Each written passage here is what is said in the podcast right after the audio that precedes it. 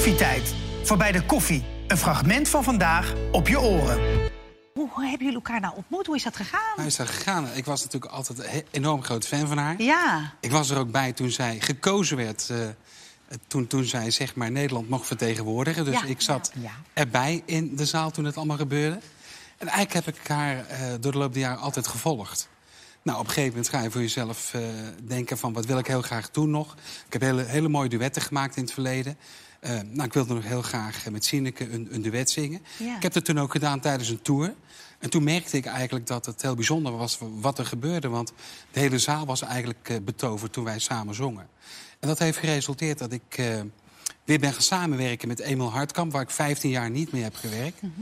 En we hebben daar liedjes gemaakt die we nu gaan uitbrengen de komende tijd. Waar Faya Condio er eentje van is.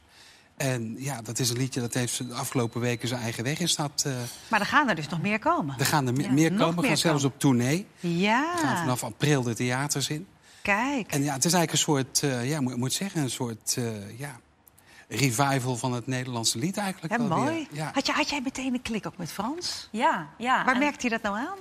ehm, nou ja, eigenlijk wel aan, aan alles. Muziekkeuze. Ja, dat ook, muziekkeuze. Maar het, ik zei het laatst nog tegen Frans. ehm, ik zei, het is heel... Maar ik, ik voel me ook gewoon echt op mijn gemak bij Frans. Maar dat hebben heel veel mensen. Dat, hebben, jullie, dat merken hebben wij ook al, al die Ja. jaren van Ik tijd. komt, hè? En we hebben al een heleboel gekke dingen met Frans gedaan allemaal. Nee, maar dat- Van loopbanden tot weet ik het wat. Eh, De was ophangen, De was ophangen. Ja. Ja.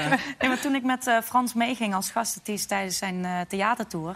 toen eh, ja, merkten we sowieso, toen we op het podium stonden... Ja, dat er al echt direct een klik Ja. was. Ook ehm, de fans van Frans die eh, omarmden mij eigenlijk meteen. En dat was zo mooi om te zien. Ja. En eh, nou ja, ik ben een, nou, 50, 55 shows met Ja, jou ja, mee, mee- mee geweest, meege- ja. meegegaan. Dus ja, die klik was er wel heel snel. En ja, sinds die tijd in de studio ook, als we het gingen, eh, de liedjes hebben opgenomen... Ja, dat was echt...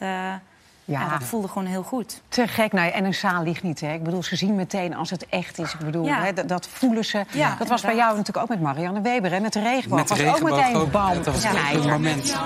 Ja, dat vergeet ik ook niet meer. Gewoon. Ja. Weet je, dit, dit zijn van die momenten in, de- in je carrière... die markeren toch wel een eh, bepaalde periode. Maar Ja. dit was echt een overweldigend succes. Ik weet nog dat s'nachts de winkels open gingen. Dan had je nog cd-winkels. En op één dag werden er 302.000 albums verkocht. Ja, mega. Dat, we staan er zelfs mee in het Guinness Book of Records. Ja, dat is niet normaal. Maar wat ik vooral knap vind, want ik bedoel, als je duet zingt, hè, dat, dat, dat, dat moet een bijzonder gevoel geven Dat ook. het, ja. hè? Ja. Dat had je toen. Maar hoe, hoe, hoe voelt dat nu dan? Is dat ook weer anders? Want het is weer met iemand anders ook.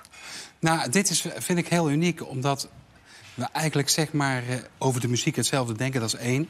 Maar we voelen ook, denk ik wel, eh, hetzelfde voor, voor de muziek die we zingen. Ja. En op een of andere manier weet ik precies wat zij gaat doen. En, en zij weet precies wat ik ga doen. Ja. En dat heeft geresulteerd in hele mooie liedjes die, ja, die ook hele mooie reacties krijgen. Bijvoorbeeld als je nu kijkt op, op YouTube ook...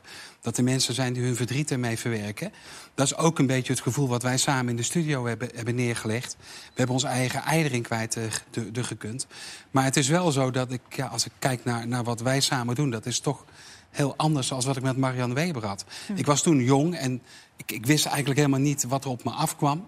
En nu geniet ik ook, denk ik, meer. Ik vind het ook echt oprecht mooi dat ik dit mag doen. Dat ik, dat, dat ik dit eh, mijn fans ook nog kan laten meemaken.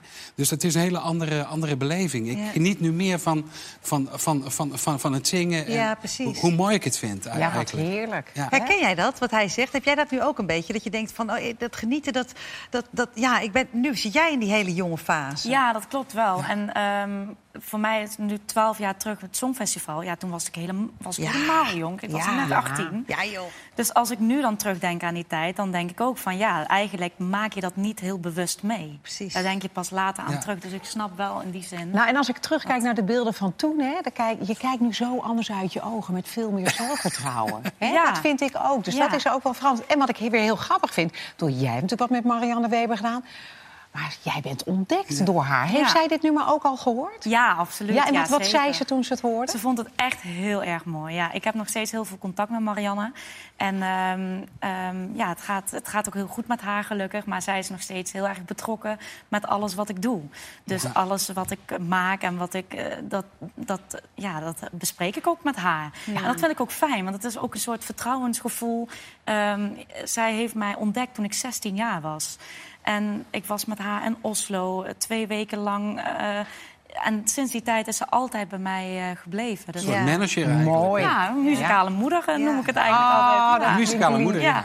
Ja, maar het hoort ook wel eigenlijk bij, bij wat jullie doen, hè? Het levenslied, ook het leven delen met elkaar. Het, het, het- ja, anders kan je het volgens mij ook niet goed bezingen op die manier. Hè? Lieve leed delen, dat, dat draait het precies. uiteindelijk om. Ja. Ja. Als, als, even naar dit jaar, pittig jaar geweest toch, Frans? Dat zeiden we net ook al in het Ja. begin. Hoe, hoe kijk jij terug op dit afgelopen jaar?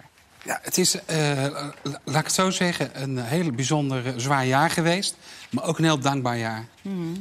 Want het. Gek is dat, hè? Maar het is wel zo. Ja, het begon eh, heel slecht natuurlijk. Ja. Eh, Met toch een gebeurtenis wat je niet snel meer vergeet. En wa- waarvan ik ook op dat moment niet wist hoe dat het zou gaan uitpakken. Nee. Aan de andere kant heel dankbaar dat we terug mogen kijken op een, op een periode waar, waarin heel veel dingen weer goed zijn, zijn gekomen. Ja. En eigenlijk besef ik nu pas, eh, ik deed het al, maar eigenlijk no- nog meer dat het leven gewoon toch draait om met elkaar lol te maken, gezellig samen zijn. eh, Mhm. Alles wat om je heen is, om daar zeg maar extra van te genieten. Ja. Ja. Dat zijn allemaal van, van die dingen die altijd zo vanzelfsprekend lijken. Ja. Totdat eh, ja, in één keer je leven dan even stopt en dat je met de neus op de feiten wordt gedrukt, zeg maar. Beluister ook onze andere podcast met iedere zaterdag om 10 uur de Week van Koffietijd. Iedere werkdag zijn we natuurlijk ook gewoon weer live met een nieuwe uitzending. Om 10 uur RTL 4.